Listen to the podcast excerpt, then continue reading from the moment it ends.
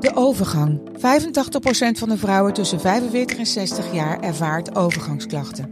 Klachten die kunnen leiden tot een verkeerde diagnose of langdurige arbeidsongeschiktheid. Wat kun je doen als je overgangsklachten ervaart? Hoe maak je dit bespreekbaar op je werk? En als jouw medewerker bij jou komt, wat kun je als werkgever dan doen? Sector Instituut Transport en Logistiek heeft een kennisplatform ontwikkeld waar jij terecht kunt voor tips en adviezen. Wil je meer over weten? Kijk dan eens op stl.nl/slash overgang. Het blok is terug. Vier koppels, vier bouwvallen, vier verbouwingen en dus een hele hoop stress. Het blok, iedere werkdag om half negen bij net vijf. De stroom.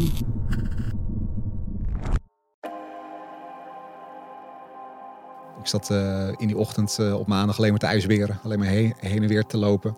Het is puur uh, wachten, wachten, wachten. Want mijn toekomstbeeld was helemaal vaag geworden. Het was voor mij niet meer van oké, wat gaan we over een maand doen. Maar laten we eerst maar even kijken van hoe maandag is. Wouter Smit is als sporter gewend om de grenzen van wat hij fysiek kan keer op keer op te rekken. Geen uitdaging is hem te gek en hij weet zichzelf dwars door pijn en vermoeidheid te pushen. Maar dan krijgt zijn leven een onverwachte wending. Artsen ontdekken een vuistgrote tumor in zijn ruggenmerg, precies op het moment dat zijn vriendin hoogzwanger is. Dit is het hoofdverhaal van Wouter.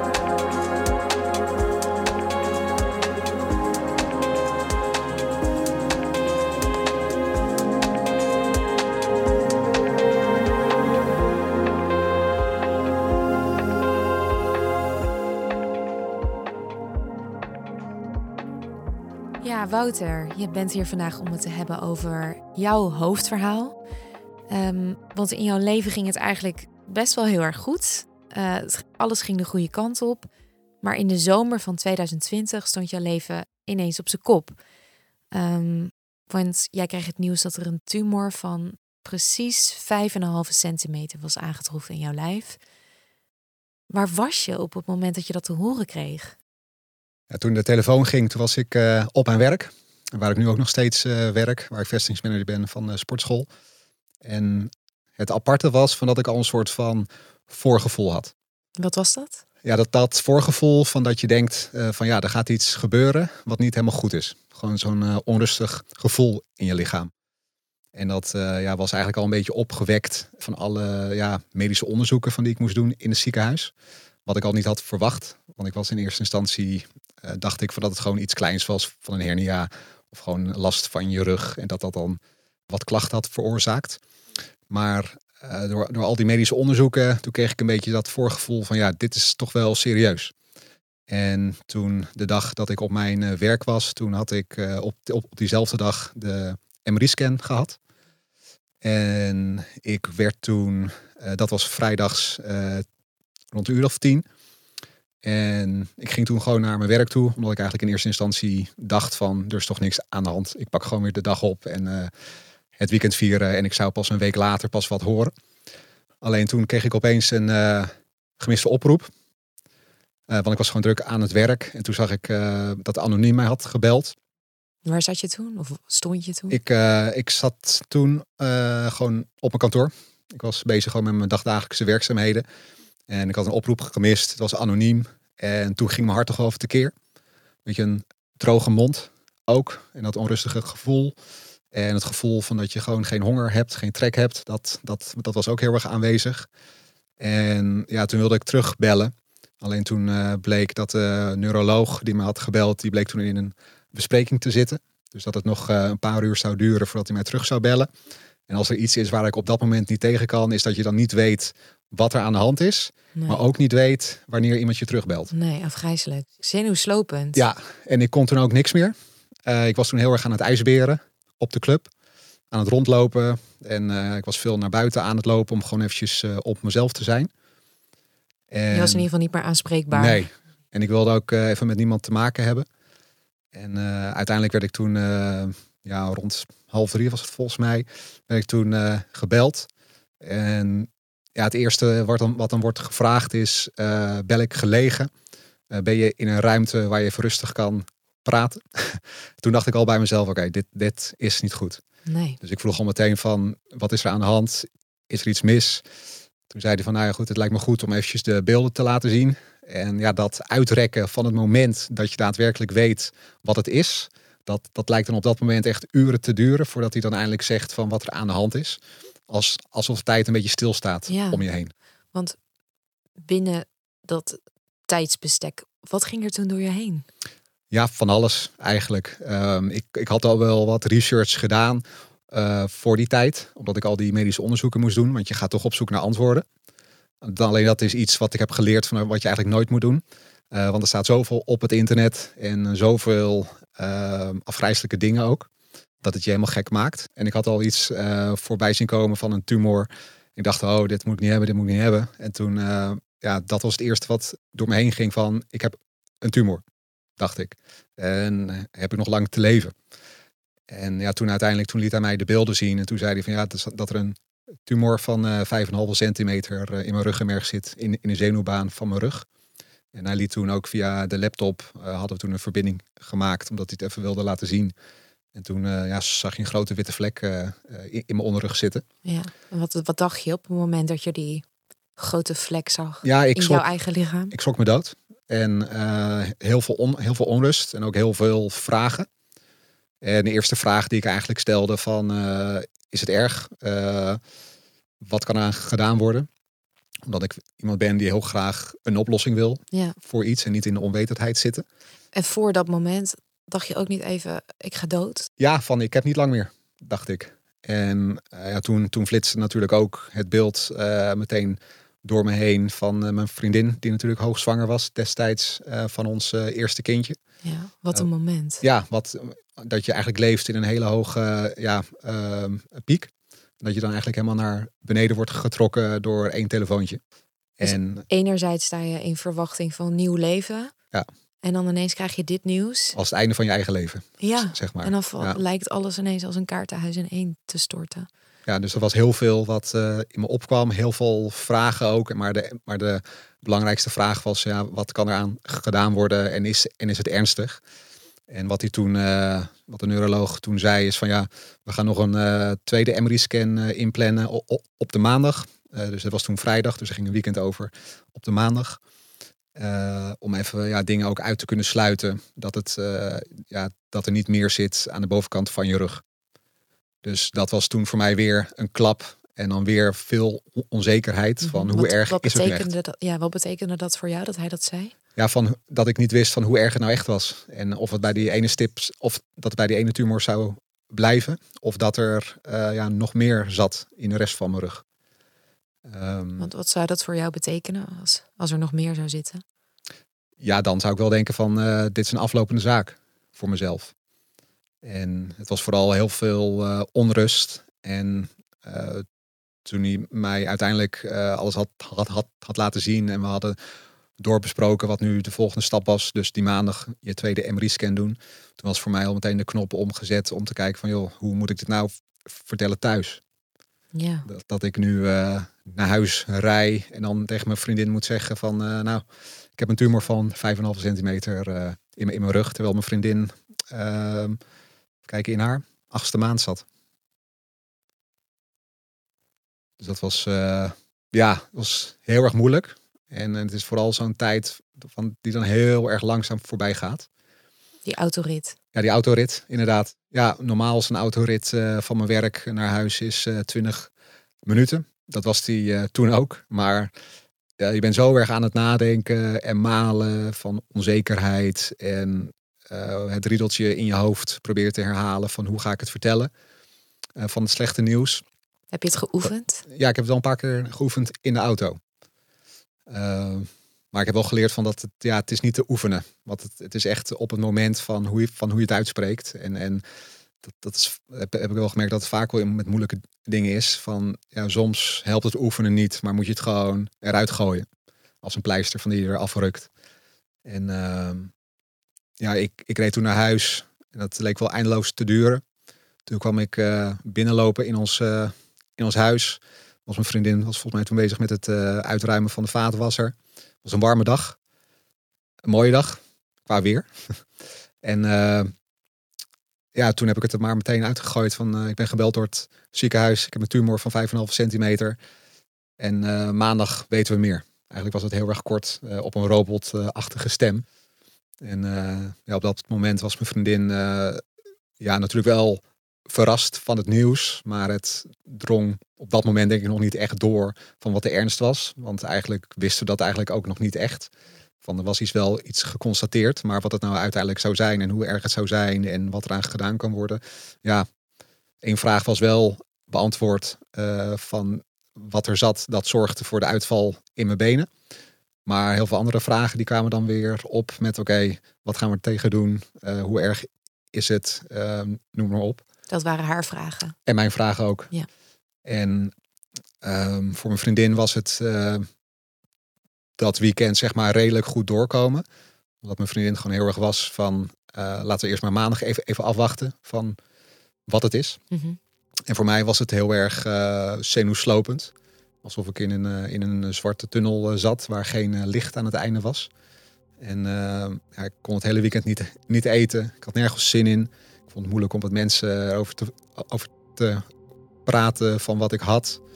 Uh, volgens mij had mijn vriendin had, had zelfs ook onze vrienden ingelicht um, van wat het nieuws was. Want ik, ik, was gewoon niet aanspreekbaar. En, en ik was meer van laat me maar gewoon in een hoekje zitten en afwachten tot de tijd voorbij gaat. En, uh, ja, ja, dat was echt in een soort donker water. Ja. In je eentje, want je vriendin stond nog wel aan de kant. Ja, klopt. En ik was uh, langzaam aan het zinken in die donkere plas. En uh, ja, dat, dat, dat is wel echt een. Uh, als ik er nog over nadenk, dan voel ik het altijd nog wel een beetje. Waar voel je dat? Ja, gewoon uh, in je maag eigenlijk. In de buurt van je, van je hart, gewoon een beetje dat onrustige gevoel. Uh, ja, volgens mij hebben we dat, dat weekend gewoon veel tv gekeken. gewoon om, om de tijd een beetje te kunnen doden. Mm -hmm. Nog wel langs mijn broer en schoonzus uh, geweest destijds. Maar ik vond het gewoon moeilijk uh, om het erover te hebben. Om het überhaupt ergens over te hebben. Omdat ik alleen maar zat af te wachten op maandag. Ja, je kon gewoon niks meer laten doordringen. Nee, want ik, ik wist niet, niks van hoe erg het zou zijn. En ja, dat, dat was wel echt afgrijzelijk, zeg maar. Ja. Vreselijkste weekend uit je leven? Denk het wel. Ja, ja. Ook gewoon, en dan zeker uh, op de maandag, want toen had ik volgens mij die afspraak gepland staan rond een uurtje of, uh, of één of zo. Ik zat uh, in die ochtend op maandag alleen maar te ijsberen, alleen maar heen, heen en weer te lopen. Ja, hoe kan je en, ook nog iets doen met ja, zoiets in het vooruitzicht? Niks. Nee, nee het is puur wachten, wachten, wachten. Want mijn toekomstbeeld was helemaal vaag geworden. Het was voor mij niet meer van oké, okay, wat gaan we over een maand doen? Maar uh, laten we eerst maar even kijken van hoe maandag uh, is. Ja. ja. Maandag was het eindpunt op dat maandag moment. was het eindpunt ja. op dat moment. Ja. En je schreef ook in een van je boeken dat je naast dat je heel veel angst voelde en dat je je natuurlijk ook heel erg verdrietig voelde, ook een beetje schuldig voelde ten aanzien van je moeder. Ja, ja mijn vader uh, was even kijken, ja, het jaartal, uh, voor mij nu al 7, 8 jaar geleden, was mijn vader uh, overleden aan uh, botkanker en prostaatkanker. En ehm, ja, met de familie hebben we eigenlijk de hele ja, ehm, sterfbed eigenlijk meegemaakt. En ja, dat, dat was echt van begin tot eind. Want hij werd toen in augustus werd toen geconstateerd van dat hij dat had. En toen uiteindelijk is hij in maart dat jaar daarop dus is die uh, over, overleden. Dus in dat tijdsbestek hebben we het eigenlijk helemaal meegemaakt van hoe het eigenlijk van uh, kwaad tot erger ging. Tot uiteindelijk het, uh, over, het, over, het overlijden. En ehm, ik was gewoon heel erg bang dat mij ook zo'n toekomstbeeld geschetst zou worden. Ja, dat, je, dat speelde ook nog mee. Ja, klopt. En omdat je toch denkt bij kanker, het is, het is natuurlijk heel erg, heel erg ernstig, maar je hebt het in zoveel verschillende vormen dat, dat je niet weet van ja, hoe erg is het, waar leidt het toe, uh, hoe, hoe, kan je ermee overleven. Uh, maar het enige wat ik uh, toen gewoon dacht is van mij is hetzelfde lot toegewezen. Ja, zo'nzelfde lijdensweg als Ja, van dat mijn familie straks ook naast mij aan het bed staat en terwijl ik niks, niks meer kan. Zag je dat voor je? Ik zag het wel voor me, ja. ja. Dus dat je je eigenlijk in de plaats van je vader kan verplaatsen. En dat, dat, dat is gewoon wel een heel erg pijnlijk beeld. En, en ja, dat weet je denk ik eigenlijk alleen maar als je ja, zelf een naaste hebt verloren. Uh, en ook echt op, op het moment er, erbij bent wanneer diegene komt te overlijden. Zeg maar. Dat is natuurlijk een heel erg afgrijzelijk moment van dat je afscheid moet nemen van iemand. En dan weet van dat je diegene dan niet meer ziet.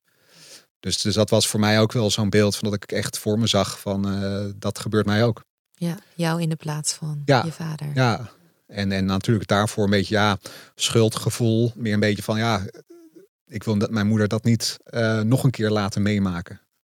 Want dat is natuurlijk heel erg pijnlijk. En, en uh, um, ja, dat, dat, dat was gewoon een heel, een heel erg moeilijk beeld. Ja. Je dacht wel veel aan anderen. Dus aan je ja. moeder en aan je vader en ook aan, ja. aan je toekomstige gezinnetje. Want hoe, hoe, hoe dacht je daarover na? Esmee was hoogzwanger. Ja, ik was uh, ja, bang voordat ik uh, Luna, ons, uh, onze oudste, niet zou zien opgroeien. Omdat je gewoon heel veel vragen hebt en, en, onzekerheid hebt nog in die periode. En, en ja, kijk, maar, ik, ben, ik was een jaar of 28, 29 toen mijn vader kwam te overlijden. En ik had altijd wel de angst van dat mijn vader niet mijn kinderen zou zien. En dat is ook natuurlijk ook gebeurd, want Luna is pas uh, bijna drie. Uh, en ik zou het heel erg, heel erg vinden als mijn kinderen uh, mij niet hebben. Ja. Dus ik vond het daar nog gewoon mooi van dat ik uh, ja, niet heel oud vader ben geworden. Omdat je gewoon zo, zoveel mogelijk tijd wil hebben met, met je kinderen. Het liefst natuurlijk tot je zelf 80, 90 of, of 100 jaar bent. Uh, maar dat beeld, dat had ik wel. Van ja, weet je, ik wil geen oude vader zijn. Ik wil gewoon zo lang mogelijk met mijn kinderen ook zijn. En mhm. kunnen zien van wat ze allemaal doormaken. Voor de eerste keer naar de basisschool. Uh, uh, voor de eerste keer naar een feestje. Noem maar op. Je wil, alle, je wil alles meemaken. En dan verstoort dat nieuws, wat ik dan via de telefoon krijg, dat, dat verstoort wel je hele toekomstbeeld. En dat vond ik vooral heel erg pijnlijk. Want je laat iets achter natuurlijk. En, en op een gegeven moment dan ben je er zelf niet meer. Dus dat gevoel van missen, dat heb, dat, dat heb je dan niet. Alleen ik weet wel van hoe het is van als je iemand uh, mist in je leven die heel erg belangrijk is voor je geweest. Ja, juist jij weet hoe dat ja, is. En bepaalde dingen niet mee kan maken. Mm -hmm. Ik was juist heel erg blij van dat mijn vader juist kon meemaken van dat uh, ik een SME voor het eerst ons huis kochten. Dat hij daar, daarbij was. En dat hij zelf uh, een week voordat hij kwam te over, overlijden, was op mijn verjaardag nog ons huis helemaal heeft gezien is die kruipend, uh, zeg maar, is die met zijn laatste energie nog de trap uh, opgekomen. Naar de eerste etage, naar de zolderetage. En weer terug, helemaal back af. Maar het was wel zijn missie, zeg maar. Om ja, nog gewoon even te kunnen zien van waar ik woon. En dat is, uh, ja, dat vond ik wel heel erg ja, mooi en aangrijpend ook om te zien. van dat je toch nog zoveel, ja, zo'n wil kan hebben om iets heel lang uh, vol te kunnen houden. Om toch nog uh, bij, bij sommige momenten te kunnen zijn. Ik krijg nu zelfs weer een beetje kippenvel als ik daar aan denk. Maar dat, dat heeft mij uh, ja, soort van wel heel erg geïnspireerd ook weer. Van dat je toch wel vanuit de mens toch wel een hele bepaalde ja, kracht teweeg kan laten komen. Vooral vanuit liefde. Vanuit liefde. Voor ja. jou. Ja. Dus dat vond ik heel erg mooi van dat hij dat nog heeft, ge heeft gezien. Dat hij heeft gezien van dat ik goed terecht ben gekomen, zeg maar. Mhm. Dat geeft troost, hè? Dat, dat geeft troost, ja. Maar ik had het er van de week weer over. Toen reden we terug naar huis, Esme en ik. Van dat Esme ook zei van ja, ik, ik mis je vader wel heel erg. En, en ook van dat hij Luna en Jovi niet kan uh, zien. En dat vind ik ook heel, heel erg jammer. Want je projecteert dan toch een soort van beeld in je hoofd van hoe zou het zijn als Luna bij hem op schoot zat. En, ja. en uh, hoe zou het gaan? En uh, ja, dat is toch wel een gemis. Je denkt er toch over na. Ja, en dat is dan ook zo'n angstbeeld van wat je dan uh, voor, je, voor jezelf hebt. Van je wil er gewoon zo, zo, lang, mogelijk, zo lang mogelijk zijn. Ja, en, en dat werd ineens weggevaagd. Dat, dat werd ineens weggevaagd. Ja. Het was op dat moment alleen uh, overleven. En, dan, en toen kwam die maandag. Hoe ging het toen verder? Ja, die maandag, toen uh, waren we in het ziekenhuis, het UMC Utrecht. Mijn broer die was ook mee om er als derde persoon bij te zijn. Uh, omdat we ook een beetje dachten van ja, we, zijn niet helemaal aanspreekbaar en we horen misschien de informatie ook niet goed. Omdat zeker ik heel erg gefocust ben op oké, hoe erg is het? En eh, je broer, wat, natuurlijk familie is, die staat er dan toch met iets meer afstand af. En kan het dan toch iets beter eh, horen en misschien nog vragen stellen Ja. over de situatie. Ehm, en hij reed ook, dus dat was ook wel, eh, ook wel goed. En eh, Want dat kon je niet meer. nee, ja, je hebt niet echt veel zin om je nog te focussen op andere dingen. Eigenlijk alleen maar te focussen om jezelf eh, onder controle te houden. Ja. Daar heb je alle energie voor nodig. Ja, het kost ook heel veel e- energie. En uiteindelijk was het weekend was ook eh, heel, heel energievretend eigenlijk. En eh, ja, toen was ik bij het UMC. En toen eh, was wat vertraging met de afspraak. Dat zal je altijd weer hebben natuurlijk. Hè. Ehm, om bij de radiologie weer mijn eh, tweede MRI-scan eh, te laten maken van de bovenkant van mijn rug. En ehm, ja, mijn vriendin zei toen nog, toen we in een wachtruimte stonden, van eh, denk gewoon na over mooie dingen, over, over een vakantie. En ja, dan probeer je daar toch over na te denken, over wat mooiere dingen, om wat Mhm. afleiding te kunnen zoeken. En lukte dat? Maar nee, n- niet echt. Nee. En Nee, ja, toen eindelijk ik. mocht ik weer in die MRI-tunnel. En ja, dan tel je eigenlijk eh, af van hoe lang het nog duurt. Want ze zeggen altijd, eh, als je een beetje op de helft bent. Volgens mij was het uiteindelijk eh, 20, 25, min- 25 minuten dat ik er weer eh, in moest. Voelt als een eeuw waarschijnlijk. voelt als een eeuw.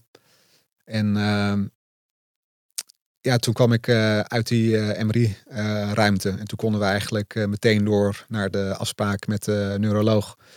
Bijna in een hardlopen stand liepen we naar de afdeling toe. En ehm, daar gingen we dan met z'n drie eh, die kamer binnen. En eh, ja, zoveel zenuwen en mijn hart die tekeer ging. En, en eh, zoveel onrust. En van hoe erg is het nu? Ja. dat je voor jezelf- Alle spanningen in je leven op, verzamelt in dat ene moment. En dat ik eigenlijk al voor me zag ehm, hoe die MRI-foto eruit zou zien met nog meer witte stippen. En dat je het zelf al zeg maar soort van weet van, van wat er allemaal zit en hoe het eruit ziet en hoe erg het is. En uiteindelijk was mijn eerste vraag, eh, ja, en zit er nog meer? En ik weet nog van dat ik zelf ook heel erg aan het kijken was naar, naar dat scherm van, van zie ik nog meer gekke dingen. Je probeert op, op een gegeven moment zelf een beetje doktertje te spelen. En eh, ja, uit, uiteindelijk zei hij van ja, we, hebben niks gevonden meer eh, aan de bovenkant van je, van je rug. Dus alleen die 5,5 centimeter tumor. En dan wat het wel iets lastiger maakt, is hoe hij dat toen zei, is dat er nog wel een ander stipje eh daar, daaronder zit. Maar dat is eh, zo erg klein eh, dat, dat het nu niet echt iets is om op te focussen. Dat is een stipje wat er nu ook nog steeds eh, zit. Het zijn nu drie jaar later. En, eh, maar het is, eh, ja, het is nu eventjes kijken van eh, wat, wat, wat we daaraan gaan doen. En eh, ja, van dat we toen een volgende afspraak gingen inplannen bij de eh, Mhm. Om eh, het behandelplan zeg maar eh, door te nemen in de Ja. vorm eh, van een operatie. Want uiteindelijk moest je geopereerd worden. Ja. Ehm, en die operatie is gelukkig goed gegaan destijds. Ehm, maar dat was natuurlijk wel een klap. Kan je eens beschrijven hoe, hoe je uit die operatie kwam? Ja, ehm, als het nog één klein stukje terug mag. Ja, tuurlijk. Toen Ja. ik het eh, nieuws hoorde van, de, van maandag, zeg maar, van dat het niet erger was dan dat het al was. ja, precies. Hoe was dat? Dat, dat was voor mij echt een mega opluchting. En eh, ik voelde weer een stuk eh, vrijheid. En we zijn toen diezelfde dag ook wezen eten bij Loetje, omdat ik het hele weekend gewoon niks had gegeten. Dus ik dacht van, eh, weet je wat, we gaan nu gewoon een goed stuk vlees eten met een bord friet. En het, ik was helemaal verlicht. Ja, zeg maar. ja. Want je was eigenlijk wel van het ergste uitgegaan. Niet Ja. bewust, maar dat lukte gewoon niet anders. Dat, dat, dat lukt niet anders. Nee. En het, het viel dus mee. Dit was een hele erge meevaller. Ja. Eh, alleen voor mijn vriendin was het juist een realisatiemoment van... oké, hij heeft echt een tumor van 5,5 centimeter. Dus dat dat het echt was, Ja. zeg maar. En, en dat er nu een verder behandelplan zou komen... dat was voor haar meer een realiteitscheck van... oh, het is dus echt zo. Ja, zij was misschien meer in een ontkenning geweest. En jij had het in één keer helemaal opgezogen met alle angstgedachten en Ja. doemgedachten die daarbij hoorden. En als die doemgedachten weg kunnen vallen... dan is het voor mij was het een heel erge verlichting. Ja, En voor mijn vriendin werd het meer een stukje realiteit. ja. En hoe was dat dat jullie daarin ook niet helemaal op één lijn zaten? Ja, dat was lastig. Omdat ik natuurlijk eh, op een gegeven moment wel heel erg opgelucht was met het, met het nieuws. En mijn vriendin was meer een beetje bezorgd weer. Ook omdat ze natuurlijk hoogzwanger was. En de kleine zou eh, een maandje later geboren worden. Ehm, ja, van, van, hoe- van hoe gaan we dat doen? Maar voor mij was het belangrijkste van dat ik eindelijk wist van ja, ik hoef niet zo doem te gaan denken. En uh, het valt wel mee, zeg maar. Ja, ja. In, in hoeverre het mee kan vallen. Dus voor mij was dat dan weer een punt van oké, ik weet nu wat, wat, wat het is. Ik heb een stukje zekerheid. En het is nu gewoon toeleven naar de operatie toe. En uh, ja, dat, dat heb ik eigenlijk voor mezelf zo behandeld als een sportieve uitdaging. Om zo fit mogelijk uh, die operatie in te gaan. De krachtsport mocht ik toen niet doen vanwege de belastbaarheid op mijn rug.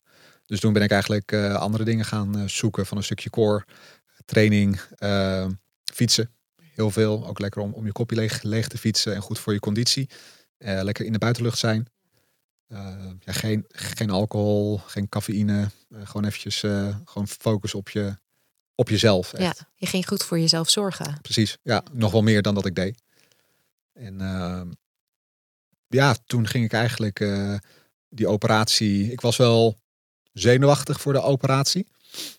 Alleen ik wist nog wel dat, dat ik in mijn... en ik, of trouwens, we gingen toen naar het ziekenhuis toe op de, de avond voor de operatie. En uh, toen brak ik wel even in huilen uit. Omdat ik uh, ja, toch een soort van spanning, opluchting misschien ook wel. Van nu gaat er eindelijk iets, iets gebeuren. Maar ook iets van dat je het nu niet meer zelf in de hand hebt. Was en, dat moeilijk voor je? Ja, op, op zich wel. Maar ik keek wel heel erg uit naar de operatie. Hetzelfde als dat ik uitkijk naar een sportief event waar ik naartoe werk.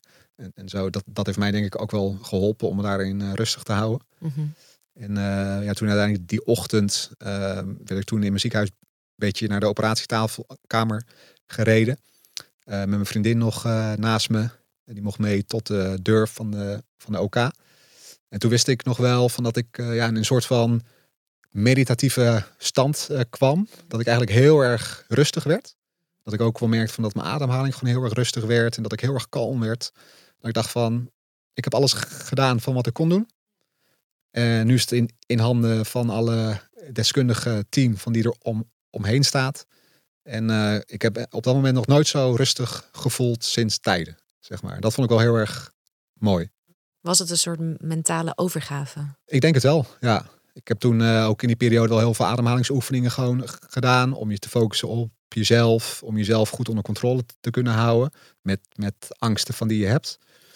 En uh, dat deed ik toen ook in het bed toen we op weg waren naar de OK. Gewoon diep inademen en uitademen. De rust vinden je overleveren zeg maar, aan de andere mensen. Weten dat je, dat je zelf alles hebt gedaan. Zo denk ik ook altijd met iets sportiefs. Uh, dat ik, ja, uh, ik heb alleen invloed op wat ik voor het event kan doen. Om zo hard mhm. mogelijk te werken voor je beste conditie. En dat heb ik ook gedaan uh, met die operatie. En ik kon alleen maar tegen mezelf zeggen, je hebt alles gedaan van wat je moest doen. Je had het niet beter kunnen doen. En ja, toen was het een soort van oase aan rust. Dat is dan toch eigenlijk het tegenovergestelde van controle? Dat is dan even die controle loslaten. Ja. En vertrouwen. En accepteren dat je uh, je moet overleveren, zeg maar, aan iemand anders. Hoe was het afscheid tussen jou en Esme? Ja, op zich, uh, ja, dat gaat al, altijd snel. Zeg maar. ik, ik was vooral blij van dat Esme ochtends vroeg nog eventjes uh, naar, naar de kamer kwam. En dat ze met, met, met mij mee mocht lopen naar de operatiekamer toe. Uh, en op een gegeven moment was het gewoon, ja, was het eigenlijk snel. Nog een kus, hand loslaten en je gaat die schuifdeuren door. Dat is ook maar goed ook, want, want dat hoeft niet heel erg lang, eh, heel erg lang, eh, heel erg langdradig te zijn. Uh, want anders, ja, dat, dat geeft alleen nog maar meer emoties met zich uh, mee. Precies. Dus dat is, is goed zo. Op een gegeven moment werd je wakker in dat ziekenhuisbed. Wat was het eerste wat je dacht? Ja, dat is wel grappig, want ik was, uh, ik was ten eerste was ik uh, bang van dat ik mijn uh, tenen niet meer zou voelen na de operatie, omdat ze toch in je zenuwbaan zitten van je onderrug. En, en er werd wel uitgelegd van ja, er zitten wel wat risico's aan aan de operatie. Van mocht het verkeerd gaan, ja, dan zou het kunnen zijn van dat je benen niet meer werken of je tenen. Dat je verlamd zou raken. Dat ik verlamd zou raken vanaf onder. Um, dus dat was, dus dat was het, het eerste wat ik deed toen ik wakker werd. Eigenlijk was voelen of het werkt. Toen meteen het nog. Ja, en uh, dat deed het.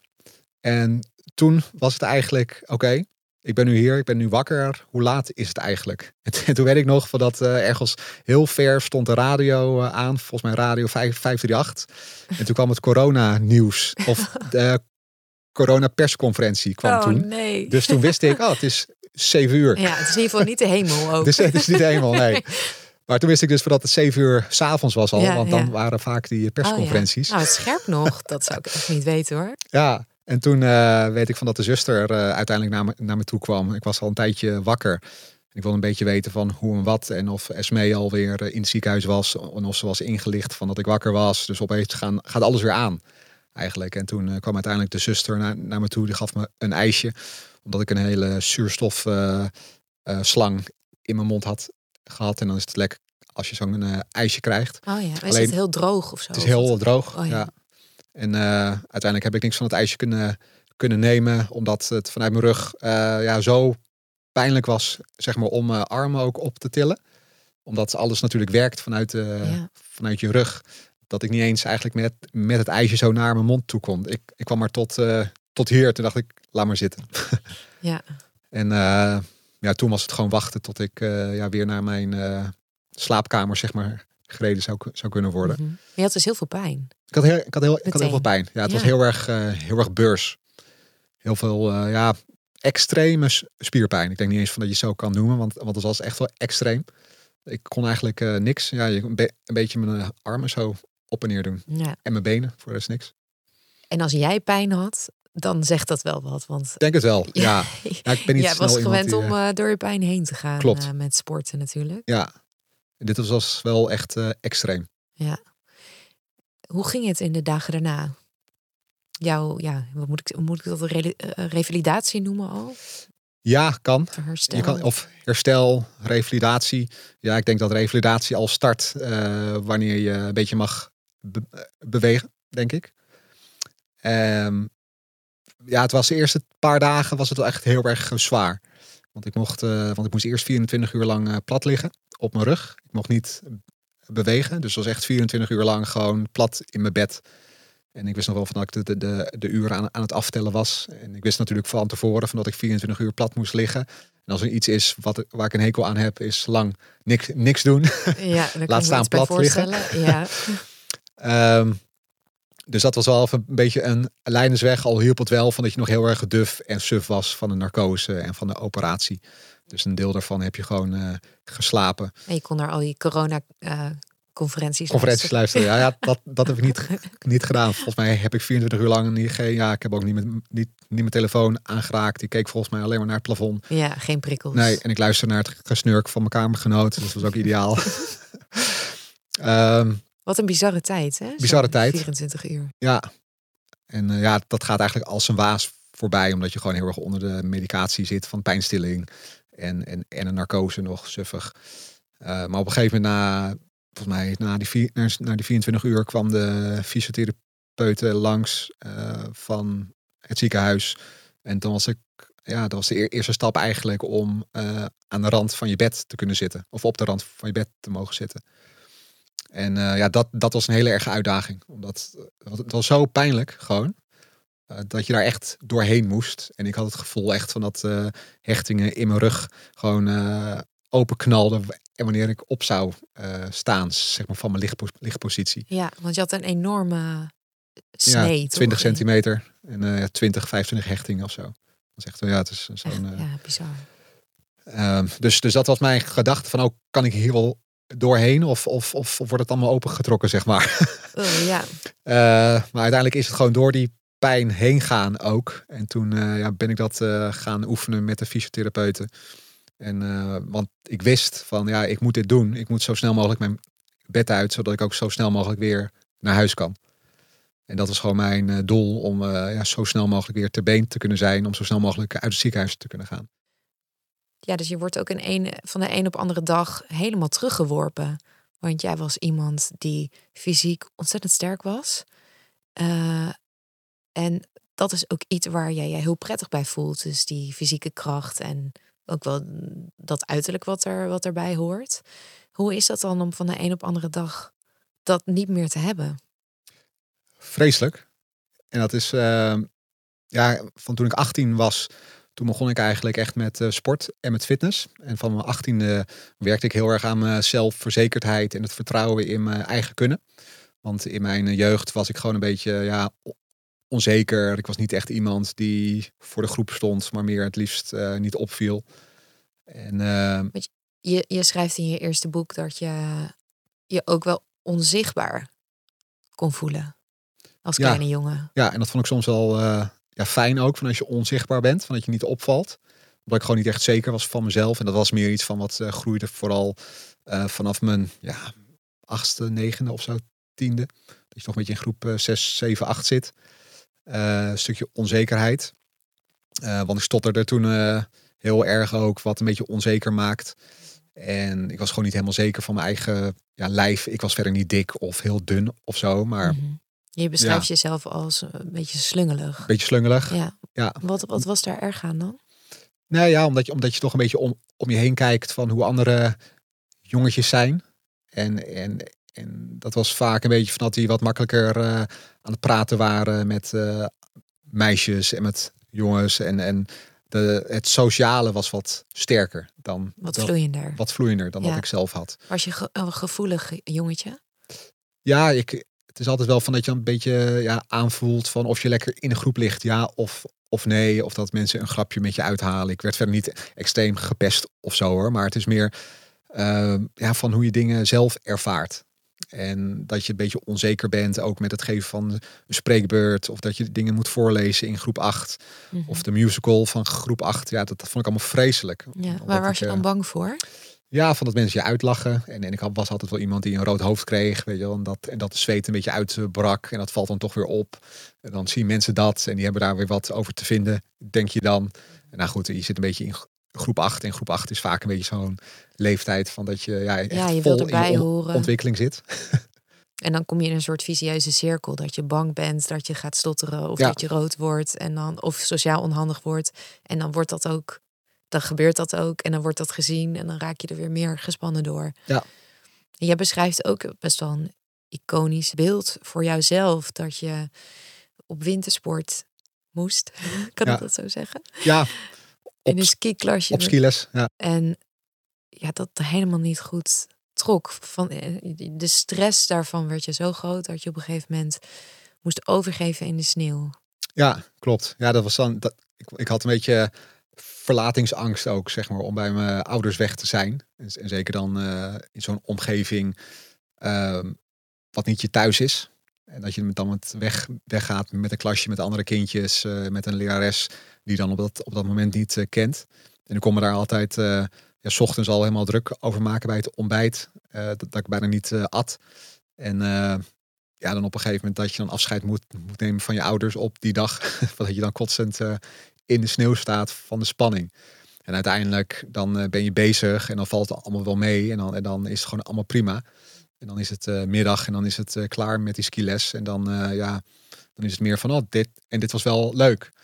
En dan, maar dan goed, dan begint 's ochtends, dan begint het weer. Dus, dus je was niet blij met die kant van jezelf? Nee, ik dacht altijd bij mezelf meer van toen ik ouder werd van waarom heb ik dit? Of, of, of waar zou het aan kunnen liggen? Wat, is het, wat was het antwoord daarop voor jou? Nou, omdat ik niet helemaal wist van uh, hoe, hoe ik mezelf moest uh, uiten. En dat ik ook niet helemaal wist van waar ik goed in was. Of waar ik in uitblink. Of dat je ergens beter in kan zijn dan anderen. En dat is bij mij toen heel erg ontwikkeld toen ik uh, veel ben gaan sporten. Toen ik verschillende sporten heb gedaan. Het begon eigenlijk echt uh, toen ik ging basketballen. Dat, uh, daar, daar, was ik wel goed in op het eigen niveau van waar ik op speelde. Dat, dat ik altijd wel een beetje de betere was van het team.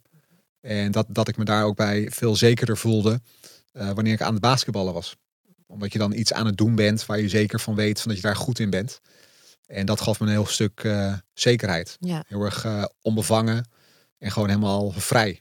Ja, veel minder zelfbewust dan hoe je was als je niet basketbalde. Ja, klopt. Ja. En je werd ineens gezien. Ja. Als jongen. Klopt. Hoe oud was je toen?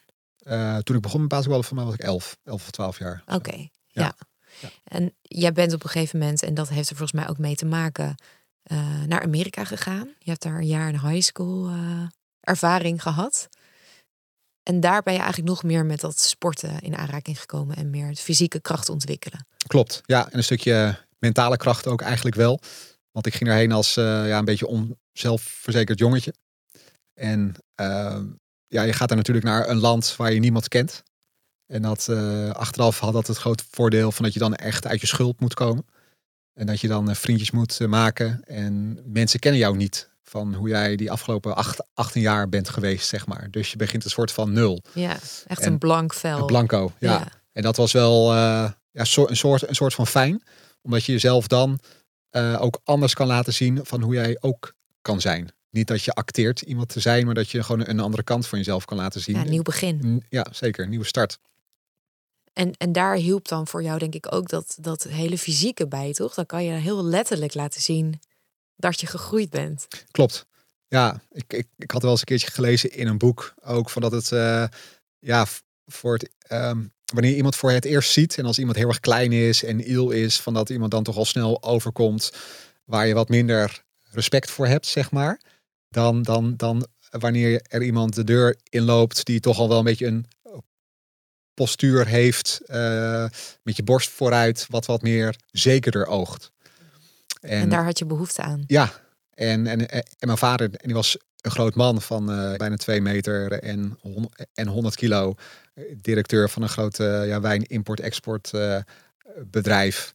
En dat was altijd al ja, iemand die binnenkwam lopen, zeg maar. Waar mensen ook wel eh, respect voor hadden. En ik dacht van ja, weet je wel, ik, ik ben ook lang. Alleen ik wil ook wel wat zekerder zijn. En fitness heeft me daarin geholpen om qua postuur wat groter te zijn. Maar ook wat mijn lichamelijke houding een stuk verbeterde. Van dat je niet zo lange slungel bent, maar dat je ja, gewoon wat zekerder oogt. Wat, ze wat zekerder loopt, wat zekerder voor een groep staat. En mensen hebben toch dan wat eerder, zeg maar, als ze je misschien niet kennen, wat meer eh, respect voor je. Dus via die weg van het, eh, van het fysiek groter worden, werd jij voor je gevoel ook mentaal groter. En Sterker, kreeg je ja. meer eh, zelfvertrouwen. Ja. En kon je je misschien ook meer meten aan je vader.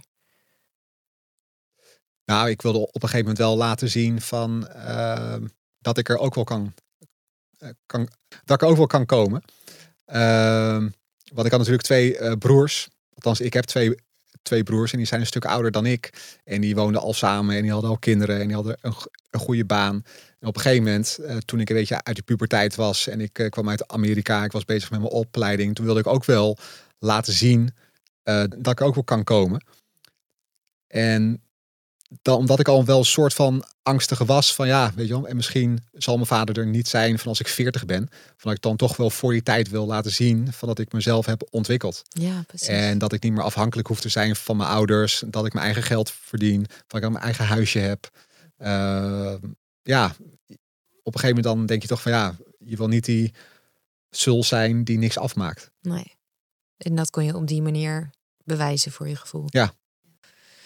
Ehm, en nog weer even terug naar dat moment dat je ja, moest revalideren. Dat zijn wel echt reële grenzen waar je niet altijd overheen kan. Hoe, ja, hoe, hoe ging je daarmee om? Ja, ik, ik was in eerste, instantie vond ik het heel erg moeilijk van dat ik afhankelijk was van uh, mensen. Ook toen we thuis waren, ja, ik mocht niet tillen, ik mocht niks doen. En, mijn vriendin moest me helpen om, om me af te, af te drogen in de douche ook. Uh, toen dacht ik bij mezelf, ja, dit, dit, dit wil ik zo snel mogelijk uh, zelf kunnen doen. Ja, want, want, wat was daar zo erg aan? Ja, om, om, omdat ik toch iemand ben die, die uh, heel veel dingen zelf wil doen. Ik, ik vind het moeilijk soms om iets te vragen aan mensen. En helemaal op fysiek vlak. Van, je wil zo, zo, zo veel mogelijk zelf aantonen van hoe sterk jij bent en wat je allemaal kan doen. Want wat als je dat niet kan of niet doet? Als je bepaalde dingen gewoon niet, niet weet of niet weet van hoe je iets moet doen, dan ben ik wel iemand van die dan hulp vraagt uh, om te helpen. Maar vooral bij dingen uh, die je in eerste instantie gewoon zelf kon, die dan op een gegeven moment dan niet meer kan, wat, wat dan wegvalt. Uh, wat ik ook bij, ook bij mijn vader heb gezien toen het aan het aftakelen was. Van hoeveel of hoe weinig je nog maar kan doen op een gegeven moment. Um, ja, dat aftakelen, dat was dan in de vorm van mijn operatie dan niet af, aftakelen, maar dat was gewoon even een, een, moment van dat je bepaalde dingen niet, niet zelf kan.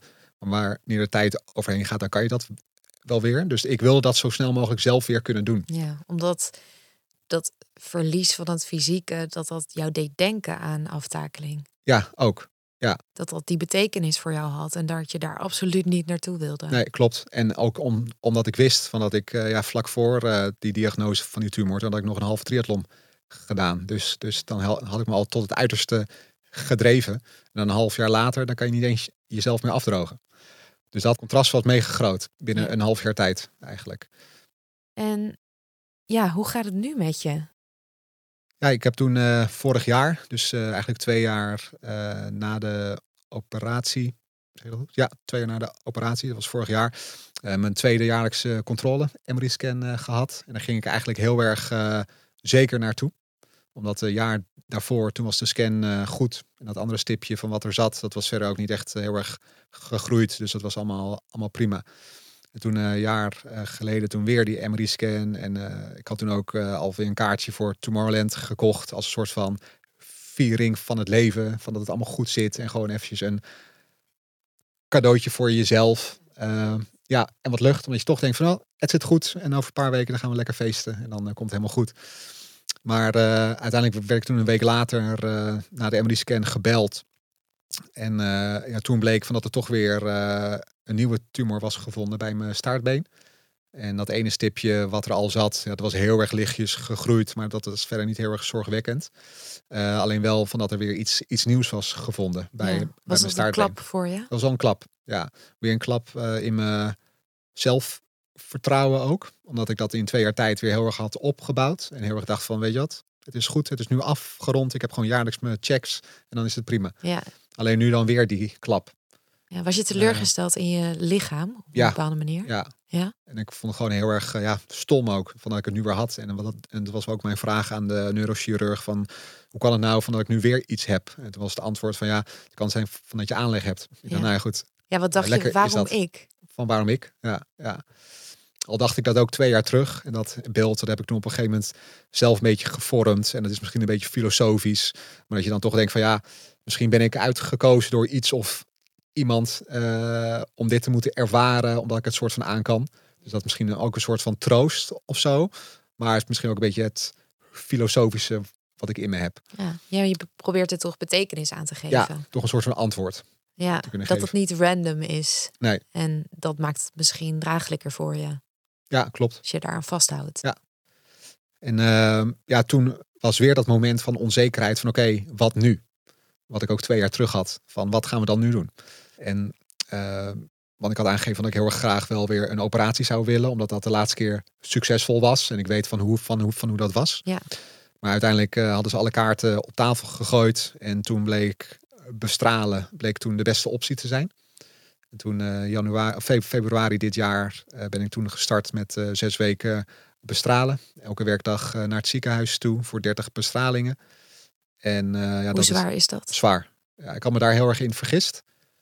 Ehm, want ja, ook ik ben daar weer gewoon doorgegaan met werken, met sporten. En op een gegeven moment moest echt. eh, Is dat ook een beetje ontkenning of vermijding?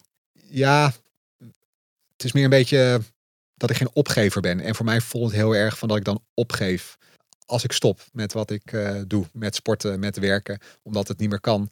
eh, omdat ik lichamelijk op ben door de, door de bestralingen. Eh, dat voelt voor mij een soort van opgeven, terwijl ik wel weet van dat het ook is van dat je gewoon moet toegeven aan de situatie. Alleen het is toch een soort van dat, dat, ik denk van oké, ik moet nu iets loslaten wat ik niet meer kan. Iets Ja. wat me juist heel veel zekerheid gaf en wat altijd een vast patroon was in je leven om- Ja, dat doen. heeft je je hele leven heel veel houvast gegeven en bescherming. Want je hebt dat volgens mij in een interview begin dit jaar wel gezegd. Ik ben wel iets beter geworden in accepteren. Ja, ehm, ik, heb mijn, ik heb mijn situatie zeg maar geaccepteerd van hoe, van hoe het is. Van dat ik eh, misschien wel voor de rest van mijn leven moet leven met die MRI-scans. En dat het nog wel eens een keertje kan voorkomen van dat ze misschien weer iets vinden. Dat ik misschien weer behandeld moet worden. Ik weet nu van dat ik het heb, van dat ik een soort van aanleg voor heb. Ik kan er wel tegen vechten en ontkennen. Maar ik heb het ook een soort van gewoon geaccepteerd in mijn leven. Van dat het een onderdeel ervan is. Dat, dat, dat heeft mezelf wel een stukje rustiger gemaakt. Ehm, we hebben het natuurlijk al gehad eh, over Esme, jouw vriendin. En uh, zij wil graag wat tegen jou zeggen. En daar gaan we nu naar luisteren.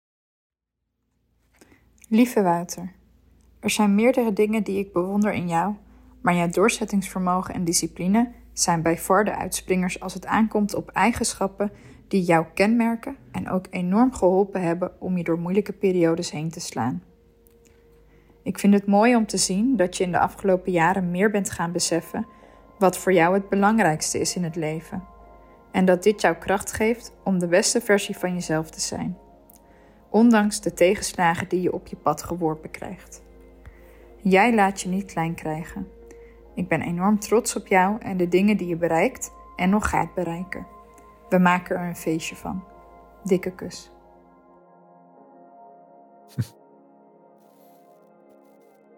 Ja, mooi. En dat van uh, maak er een feestje van, dat, dat, dat waren eigenlijk de, de, laatste woorden van mijn vader ook. En uh, het, het, het, moment dat we met het hele gezin toen, om, toen, om, toen echt om het bed uh, stonden. Vlak voor de laatste tellen, zeg maar, dat, en dat hij het leven liet. En dat is eigenlijk iets wat we altijd herhalen ook naar elkaar toe. Om er een feestje van te maken. Wat er ook gebeurt. Dat staat echt ingeprent. Ingeprent, ja. ja. Dat zijn echt zijn woorden, zeg maar. Ze zegt ook van um, dat je er wat meer achter lijkt te zijn gekomen wat echt belangrijk ja. is. Ja, en, en dat is um, ja, er meer te zijn, of ja, meer, dat, dat klinkt een beetje negatief, maar ik, maar ik zal het uit, uitleggen. Meer te zijn voor het gezin. En um, ik ben nu sinds drie jaar natuurlijk uh, vader. En daarvoor was het veel natuurlijk naar feestjes gaan, veel lol hebben, gewoon een beetje leven alsof het je laatste dag is, zeg maar. En de serieuzere kant in mij is, is wel veel meer naar boven gekomen toen ik ook vader werd. Uh, dat je toch een soort van gevoel hebt van ja, je, je bent er niet alleen maar meer voor uh, je partner en voor jezelf, maar je hebt ook andere mensen om voor te moeten zorgen. Waar je een hele diepe band mee hebt in de vorm van je kinderen. Ja. En ik heb daar iets meer de balans gevonden en er het feestje van maken. Dat heeft een, beetje een andere betekenis van gekregen. Dat het niet specifiek het feest is op een festival of helemaal uh, door het geluid gaan, maar dat je ook gewoon een feestje kan maken met je kids, met je, met je gezin, met je partner, met je familie en met je vrienden. En natuurlijk. Maar ja, het heeft een ander soort uh, vorm gekregen. Ik heb um, jou gevraagd om een foto van jezelf mee te nemen. Een jeugdfoto. Um, die ligt naast je. Zou je die er eens bij willen pakken? Zou je eens willen beschrijven wat je ziet op die foto? Wie zie je? Ja, dat ben ik. Dat is gewoon een heel erg jong uh, jongetje van, uh, ja, zal ik zijn geweest, uh, drie. Drie jaar oud, denk ik. Ik zit op, de, op het wagentje van uh, Schiphol. met onze koffers op de achtergrond op weg naar vakantie. Als je nou denkt aan alles wat je hebt meegemaakt sinds je kindertijd en alle obstakels die je hebt moeten overwinnen en je kijkt naar dit jongetje, wat zou je dan nu in volwassen vorm tegen dit jongetje willen zeggen? Het, ja, het vind ik een, mooie vraag. Want de afgelopen tijd heb ik altijd een beetje teruggedacht van het is maar goed van dat je vooraf niet weet uh, wat er allemaal komt in de toekomst. En zeker nu wat ik allemaal heb meegemaakt. Maar als ik nu naar mezelf kijk op die kinderfoto, dan zou ik zeggen van wees niet zo onzeker de komende jaren. Want een stukje ons onzekerheid, dat maakt je een beetje gevangene van je eigen leven. En het is vaak ook een beetje een, een, een, uh, ja, een fantasie van jezelf. Was in die periode ook, ook heel erg van dat je niet moet aanleren, van dat je constant maar in de hoofden gaat kijken van andere mensen uh, over wat ze van jou zouden kunnen denken. Uh, maar hou de pijlen gewoon gericht op jezelf en ga uit van je eigen kracht.